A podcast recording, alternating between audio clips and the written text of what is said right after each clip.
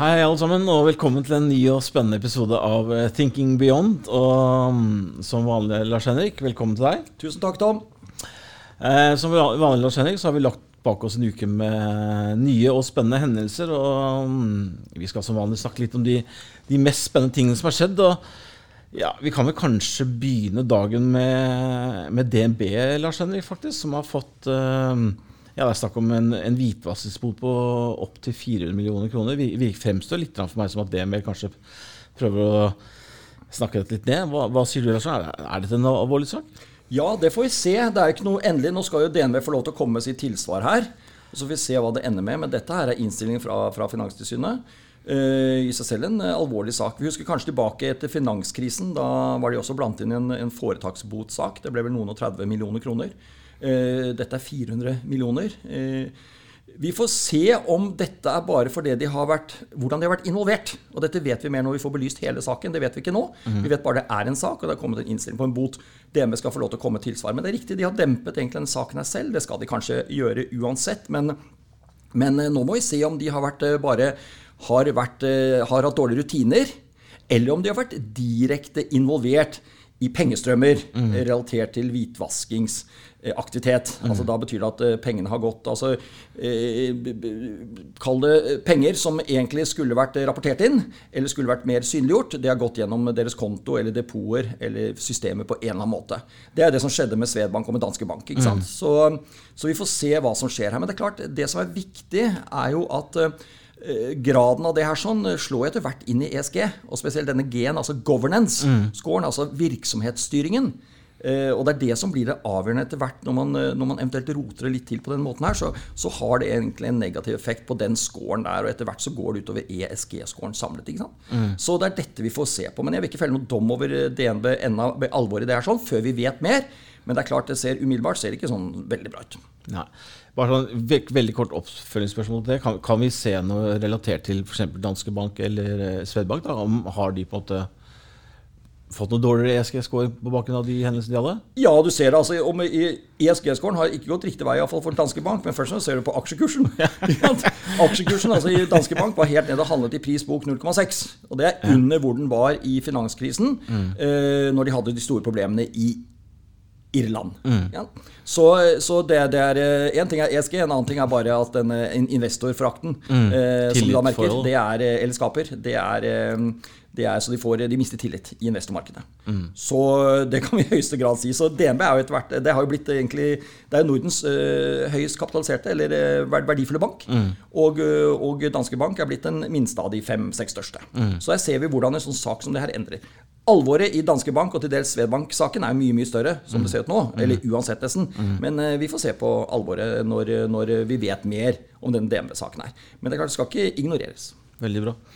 Du, Vi skal over på et tema som eh, vi har vært innom flere ganger. Dette med taksonomien, eh, Lars Henrik. Og eh, vi, du spesielt får en del spørsmål fra, ja. fra venner og kjente og lyttere som syns dette er spennende. Men det har kommet fram en ganske oppsiktsvekkende nyhet siste uken rundt dette med vannkraft. Ja, altså bra du nevner det, Tom. Um, nå som egentlig regimet for hva som defineres som grønt og ikke grønt, altså mer grønnvasking, i, i, dette, i, denne, i, dette, rutineverket som kommer nå ut fra EU rundt dette med taksonomien, så står norsk vannkraft eh, PT på den ikke grønne siden. Og det er jo, det er jo svært overraskende. Altså Sol og vind står på den riktige siden, men norsk vannkraft ikke, ikke bare norsk, altså vannkraft, så gjelder det i høyeste grad også Sverige. Eh, det står ikke. Og hvorfor gjør det ikke det? Jo, det er fordi man mener at uh, summen av uh, hva som skjer i aktiviteten her, og det er det vi har snakket om før, det er totaliteten som bestemmer om det er grønt eller ikke grønt. Altså mer da det fremstår som en form for grønnvasking. Og man ser altså på hvilket inngrep i naturen, litt uopprettelig inngrep, som vannkraft gjør, mm. og, og det har gjort. Så er det noen som spør ja, men vil dette bare gjelde nye vannkraftverk. Sier de nei. For eh, taksonomien eh, og rutineverket der vil hensynta hele livsløpet for et vannkraftverk. Så det er altså det som ligger i historien også. Mm. Så her er det spørsmål om de norske myndigheter og svenske for så vidt har sovet når dette, her, når disse, når disse, når dette er blitt inndelt mm. i, i, i kriterier, for dette er kommet fram nå. Nå er det nok litt, sånn, eh, litt alarm i, i, i, hos de norske myndigheter om man vil gå til egentlig å begynne virkelig å engasjere seg i det her nå, mens det ennå er tid. Så vi får se hva som skjer, Tom, men det er bemerkelsesverdig at norsk vannkraft inntil nå står på feil side. Og det påvirker en del selskaper som er engasjert i, med finansiering, altså grønn finansiering, green bonds, altså grønne obligasjoner, mm. har fått ganske stor tilgang til ESG-penger på egenkapitalsiden, altså ved investoren har investert i, i vannkraftprosjekter, kan være småvannkraft vannkraftverk, det kan være, det kan være andre typer systemer som, som, har kjøpt dette her. Vi har, ja, det er mange som, som egentlig kan bli påvirket på en negativ måte av det her. Mm. Det er jo egentlig i min verden oppsiktsvekkende nyheter, Lars Henrik, så dette ja. her skal vi følge tett opp med. Og kjære lyttere, dette skal vi følge med på. Men, eh, Definitivt. Ja. Du, eh, vi skal um, snike oss litt videre nedover veien. Og du har også nevnt for meg dette med at Vi snakket en del om det sist gang, dette med metan, metangasser. og egentlig, eh, som du sa sist gang, at det fremstår som nesten enda litt mer alvorlig enn det vi har sagt om før. og ja, det opptar, det opptar, veldig mange, merker jeg nå når jeg, når jeg, treffer folk og snakker med folk. Mm. Og det er noe av dette de biter merke med der. Jeg tror det som er det viktige å forstå alvoret i situasjonen her, det er at metan som, eh, som, en råvare. Dette er den her kjemiske betegnelsen CH4. Dette er det vi kaller det er vår naturgass. Den ligger i mange former bundet opp i naturen. Enten det er i, i myrer, i generelt i organisk materiale. Det kan være i, i form av eh, frossen, altså det ligger som frossen metan, altså det ligger i is mm. rett under jordskorpen, eller i permafrostområder. Og det kan være også, den er jo også oppvart i, i fjell som organisk materiale. Og det er voldsomme eh, volumer av dette her globalt. Så poenget her er at hvis vi når opp i en viss temperaturøkning, og dette begynner, da kan det begynne å bli irreversibelt. Og med det så mener jeg at da begynner disse store mengdene av metan som ligger bl.a. nedfrosset i, via permafrosten, det begynner å tine opp. Mm. Og da begynner det å få sånn irreversible eh, effekter. Og det er, eh, da kommer ting ut av kontroll. Så vi er eh, Det er ikke for svartval, men når jeg, når jeg hører på både liksom, værfolkene og kjemikerne, så er det noen sammenheng her som er at vi er på vei inn i noe irreversibelt. Og det er det som ble behandlet på Parisavtalen. Derfor var det så viktig med dette halvannen, altså to graders mm. mål først, men jobbe for halvannen grader. For utover det så sier man at det skjer noen irreversible prosesser her. sånn. Og da ser vi ikke helt konsekvensen hvis, hvis, hvis, hvis helvete, med disse metanressursene begynner å slippes løs. Mm. Altså tiner opp og kommer ut i atmosfæren. Dette er mye mye sterkere klimagass enn CO2. Fordelen er at den forsvinner ut av atmosfæren i løpet av ja, kanskje ti år. Mm. Men, eh, men, for CO2 det kan jo vare i flere hundre år. ikke sant? Så det er, det er forskjellen her, så på godt og vondt. Men, men, men, metangass i store mengder ut i atmosfæren det vil akselerere eh, hele, hele, klimaeffekten. her. Sånn. Mm. Så det er poenget. Så folk bør være klar over dette først og fremst viktigheten at vi, dette ikke sklir over en irreversibel eh, utvikling. Jeg så på, på nyhetene faktisk her tidligere uken, eller var det i helgen, hvor hvor jeg tror det var TV 2 jeg, som hadde en eh, artikkel om dette, eh, om at temperaturer i år da, generelt er veldig høye. Ja. Og at, eh, Jeg husker ikke akkurat tallet, men de linket det for eksempel, som, og sendte noen bilder om at nå må du passe på at når du skal kjøpe deg hytte, så må du sørge for at du kommer høyt nok, og fremtiden kanskje blir kunstner og sånn. Men, men, det er jo ingen tvil om at, om at, dette her er noe man må ta på alvor. Ja, nå er det sånn, nå, liksom, det, er, mange som lager litt sånn fest av dette med kortsiktige mm. eh, linjer her, altså fra enkeltår. Men det er klart, nå har vi hatt eh, to temperaturrekorder globalt, ser det ut til. på det blir nok den varmeste året nå i, i, i, hva skal jeg si, ikke moderne tid, men i lang lang tid. Ja. I 2020. Vi hadde den forrige rekorden i 2014. Så det er klart rekordene på oppsiden her nå mm.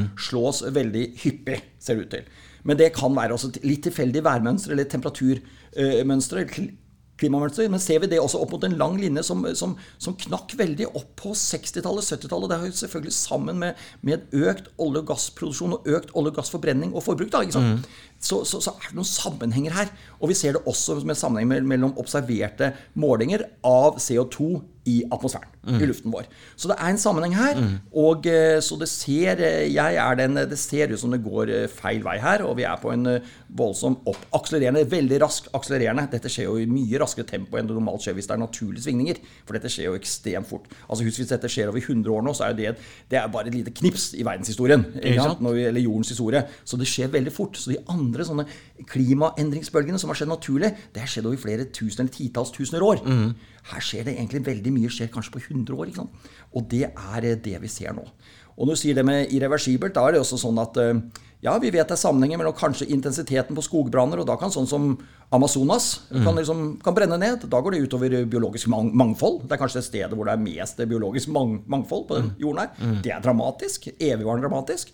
Og så er det det med nedsmelting. altså Hvis grønlandsisen Nå er ikke det at det vil plage oss de neste ti åra, men det kan gå liksom over 1000 år, eller iallfall flere hundre år. Mm. Men da er du inne på dette med, med økning av vannivåene, havnivåene, som noen mm. har snakket om på opptil 5-7 meter. Det blir sånn dramatisk nå. og Da er du inne på det hvor du skal bo.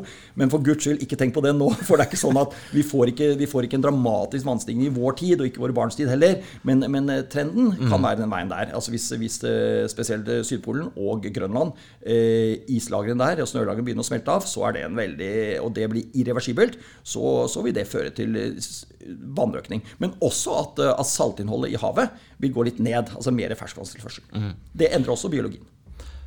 Bra, Sjank. Vi skal bevege oss litt over på børsene. Ja. Det er jo, som vi har sagt om forrige tidligere, så november var jo en, eh, en rekordmåned. Og eh, det er hyggelig å se, Lars Henrik, at eh, de anbefalte løsningene har, har, ja, om ikke annet, vært faktisk enda litt bedre. Du får ja, lov å skryte litt? Altså, ja, vi får lov til å skryte litt. Altså, man får jo ofte høre når ikke ting går så bra, men nå har det gått veldig bra. Det har vært veldig bra egentlig jevnt over siden, siden mars i denne recovery-fasen. Ja, det, det, er veldig bra. Men eh, vi skal si mer om dette til våre kunder internt på fredag nå. Men eh, november var en rekordmåned, som vi snakket om sist gang. Mm. Og våre løsninger er også foran i en rekordmåned. Så det er, det er veldig, veldig hyggelig. Men nok om det. Vi så at det var value i november som gjorde det ca. 5 bedre enn eh, dette momentum- og vekstaksjer. Hvis mm. det gjelder verdens univers i to. Mm. Og det har det fortsatte litt inn i desember, fram til slutten av forrige uke, mm. fredag. Men så, altså, starten av denne uken her, har det reversert eh, litt, eller nesten, eh, nesten tilbake. Så nå er det ganske likt mellom dette fokuset på disse vekstaksjene og momentum mm. eh, som, en, som, en, faktor, og dette med verdi. Så nå er det liksom utlignet. Og vi ser da at, at Nasdaq igjen har gått til all time high.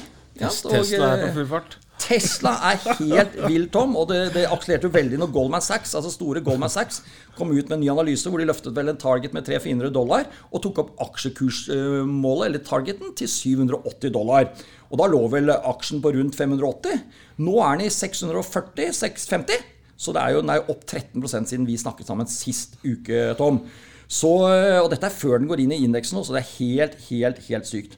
Nå tror jeg, hvis vi ser på estimatene, så tror jeg dette er P 1200 aksje, P1200, så det betyr at her er det jo ingenting av egenkapitalverdien på disse her 650 milliarder dollar som har noe med nåtid å gjøre. Altså De Nei. skal tjene bare peanøtter, peanøtter mm. nå, de neste i år og neste år. Så alt ligger i frem, fremtidstroen her, Tom. Mm. Og eh, det er klart, det går bra så lenge folk har tro på fremtiden og tro på denne teknologien. Mm. Så kan, dette, så kan caset liksom fortsette å holde nivået, eller eh, verdien, eller øke. Mm. Men den dagen det eventuelt sås tvil om framtiden for en sånn type konsept eller selskap, eh, da er det ikke sånn som faller liksom 5 og 10% Da kan det falle 70-80-90. Så det er det som er spennende her. Hvor lenge har man troen? Og det som står i Goldman Sachs-analysen, de har jo kjempetro på det selskapet her, og sier at dette kommer til å være en dominerende spiller innenfor elektriske biler, og en del realopsjoner, altså en del virksomhetsmuligheter man ser rundt det, mm. med batteri og alt mm. mulig. Dominerende spiller om ti år. Og bare som elektriske biler vil de produsere en 15-20 millioner biler i året til den tid. Dette er Goldman Sachs. Mm. Og derfor tar de target sitt opp til 780 dollar. Men Elon eh, Musk han eh, befester sin posisjon som den eh, nest rikeste mannen i verden. Har nå gått uh, veldig bra forbi Bill Gates uh, holder der, og uh, nærmer seg Bezos sant, i Amazon. Så det er helt fantastisk å følge med i dette her. Og det jeg nevnte, Tom, jeg har lyst til å si dette med fremtidstro, for dette preger også en del av de selskapene som er på Merkur. Merkur-børsen, eller Euronext Growth, da, som mm. nå heter, det er en veldig bra børs, og det er veldig bra for Norge. Jeg er veldig tilhenger av den. Men det er klart man skal en del av de selskapene Man skal tenke hvem investorene Det, det, det er litt synd. da, Det virker som at en del ikke-profesjonelle investorer mm. kaster seg på akkurat den listen. Mm. Og det er kanskje ett sted man skal være mest mulig profesjonell. Mm. Eller Egentlig. ikke ha dette som store, eh, ha dette som smålodd og ikke storelodd i mm. porteføljen min sin. For det gjelder disse, en del av disse selskapene er konseptaksjer. Eller iallfall er det aksjer som ikke tjener penger i dag, mm. men hvor hele verdien ligger basert på en fremtidstro. Mm. Altså rundt en eh, teknologi eller produktsuksess eller markedsandel eller et eller annet det ligger langt fram i tid. Og det er klart, der er det, det er nok en del selskaper på denne børslisten her som, som, eh, er, sårbare. Som, som, er sårbare og kanskje ikke vil lykkes.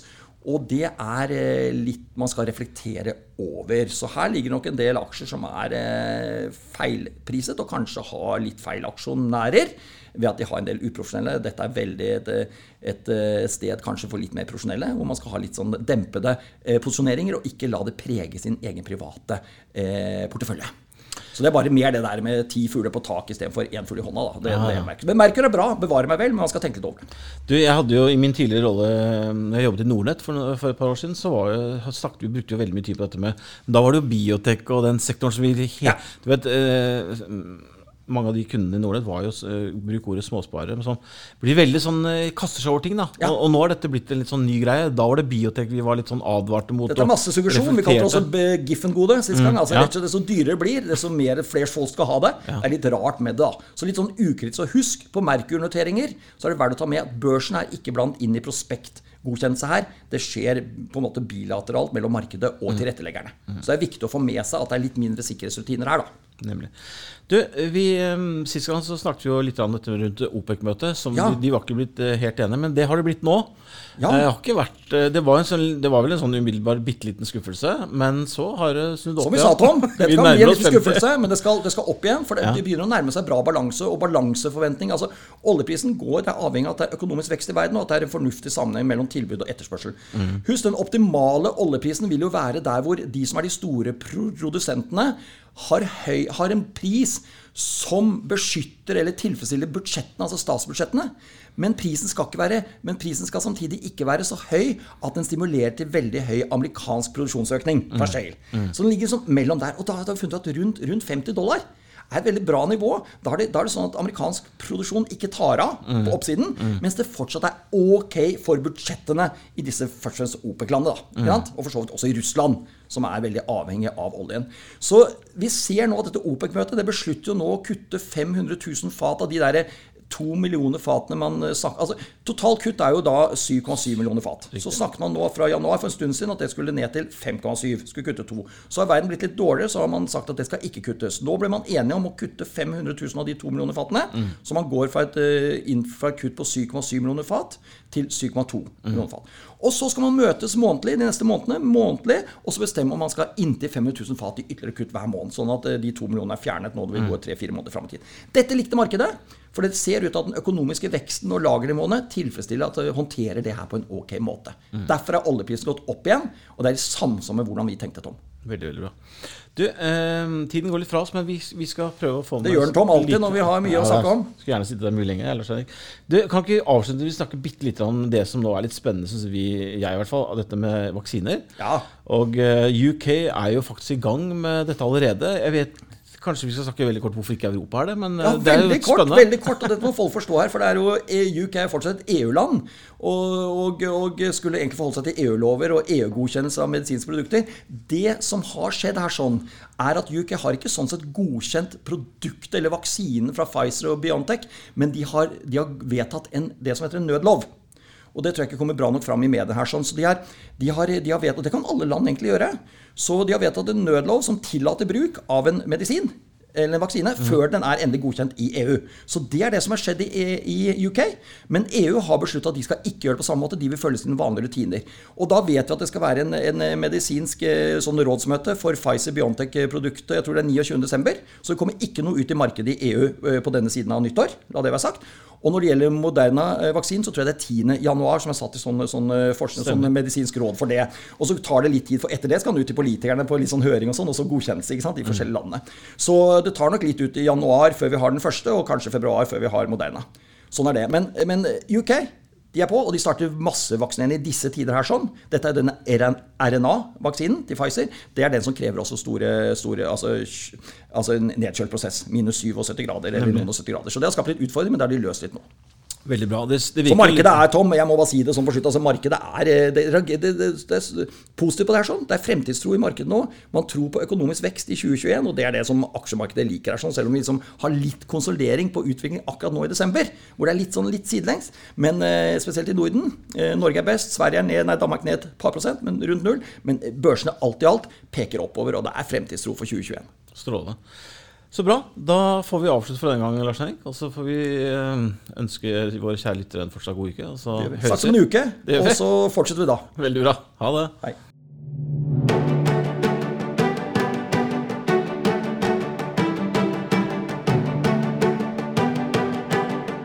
Du har hørt på Thinking Beyond, en podkast fra Formuesforvaltning.